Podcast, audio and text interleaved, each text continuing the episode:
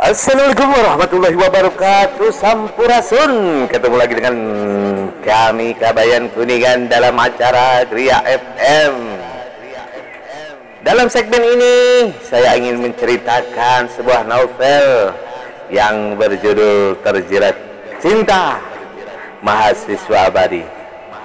Inilah ceritanya. Naima memijit kepalanya lelah.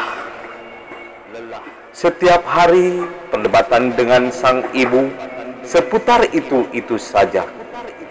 Ibunya mengeluh seolah-olah dia adalah ibu yang paling malang di dunia karena anak gadisnya tak laku-laku. Andaikan mencari seorang suami semudah menemukan kucing anggora, pasti dia sudah menikah dari dahulu. Apalagi yang bisa dilakukannya, laki-laki di luar sana lebih memilih wanita tamat SMA daripada perawan tua sepertinya. Kau ini jangan lagi memilih-milih. Pak Broto belum terlalu tua. Dia baru sem baru 40 tahun. Eh baru 45 tahun. Anaknya pun sudah besar. Kau tinggal dapat mem tinggal enaknya saja. Ibunya mengomel sambil merajang sayur di dapur. Ibu, adakah yang lebih baik dari itu?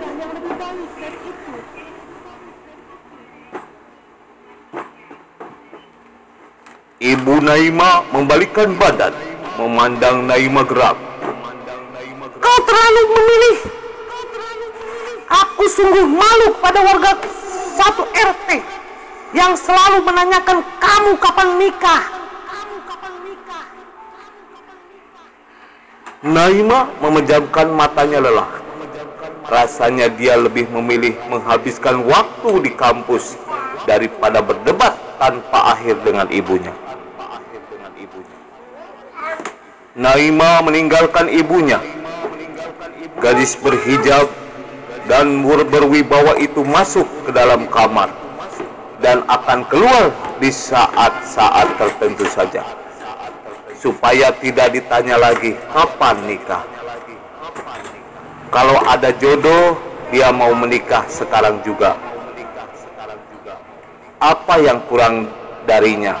Dia cukup cantik, tubuhnya bagus, karirnya mantap, tapi laki-laki selalu mundur bahkan sebelum mengenalnya lebih jauh.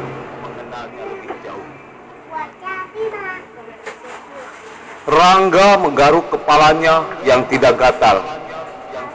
Sudah dua jam dia membaca bab satu.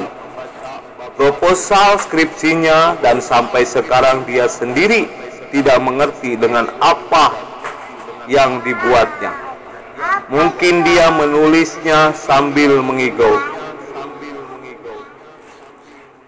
Judul ini dicarikan oleh juniornya sehingga bisa lulus saat seleksi pengajuan judul proposal penelitian. Sekarang adik tingkatnya sudah wisuda, meninggalkan Rangga yang merana dengan proposalnya sendiri. Satu tahun sudah proposal itu didiamkan dan dimasukkan ke dalam kardus harta karunnya. Sekarang dibuka kembali. Ah, andai saja menulis proposal itu semudah menulis surat cinta. Bapaknya begitu berharap kepadanya, dia anak satu-satunya yang dibanggakan. Mendapatkan gelar sarjana adalah mimpi bapaknya dari dulu. Walaupun di masa SMA tinggal kelas satu kali. Tinggal kelas satu kali. Dia anak kepala dusun di kampungnya. Bapaknya sangat dihormati dan dituakan. Apa kata dunia jika dia pulang tanpa membawa ijazah? Selama ini dia berhasil mencari alasan ketika sang bapak bertanya kenapa belum juga lulus. Bahkan dua bulan terakhir uang sakunya sudah dikurangi. Terpaksa wajah ganteng Bak Amerikan semasa muda itu terkena sinar matahari karena dia sekarang bekerja sebagai tukang ojek online. Mau bagaimana lagi? Tidak bekerja ya tidak makan. Uang yang dikirim bapak dari kampung hanya cukup membayar biaya kuliah. Ucapan Bu dosen tadi siang masih terngiang-ngiang di kepalanya, membuat kepalanya merasa mau pecah. Bertemu dosen cantik itu malah membuat dia trauma. Bu dosen yang entah siapa namanya itu orangnya galak, tegas, tidak bisa diajak bercanda sedikit pun. Andai saja seperempat kemampuan Bu dosen itu ada padanya, pasti kuliah terasa lebih indah. Apa yang mau saudara teliti? Kalau tidak terjadi masalah dalam kasus ini, Masalah itu akan terjadi jika teori tidak sesuai dengan kenyataan. Pelajari lagi. Besok temui saya.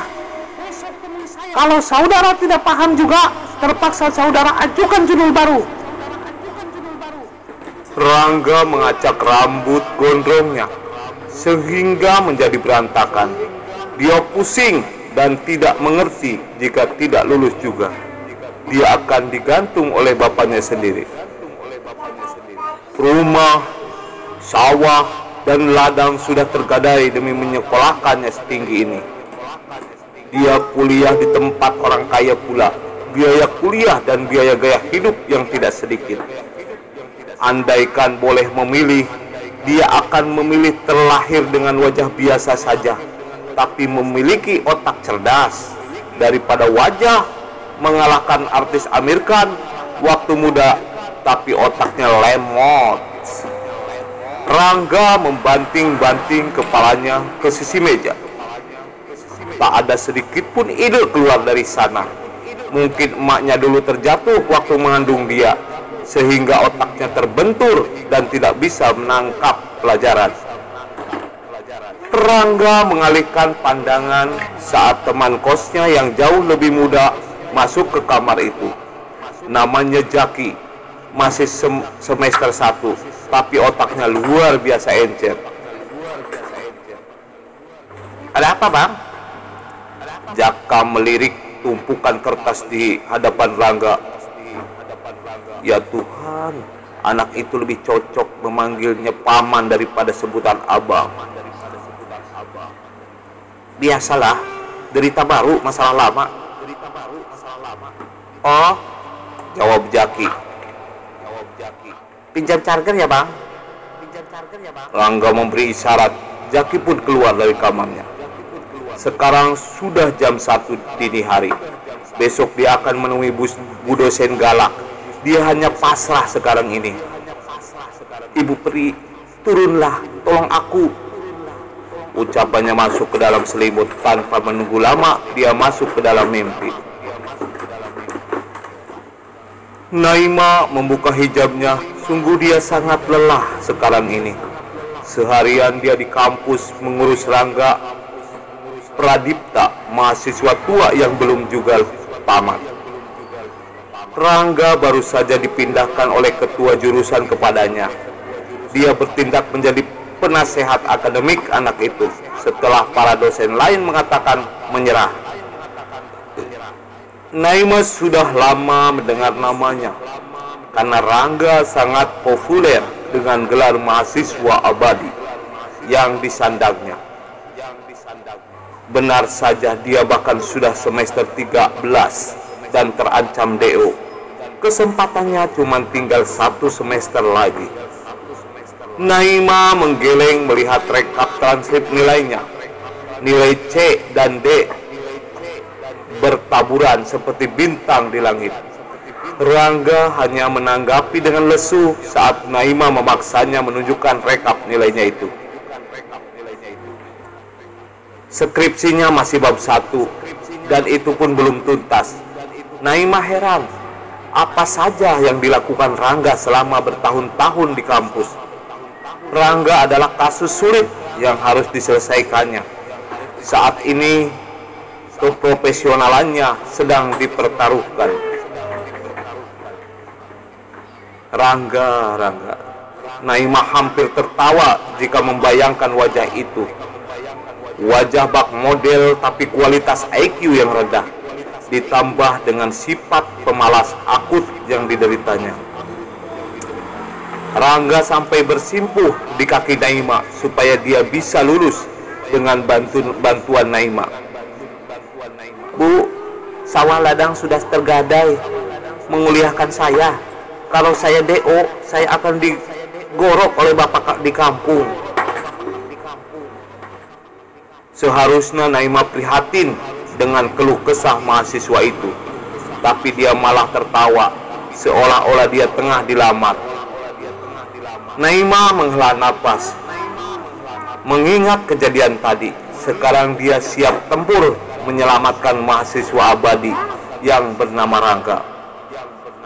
Oke, aku harus buat list dulu untuk menyelesaikan masalah Rangga satu persatu.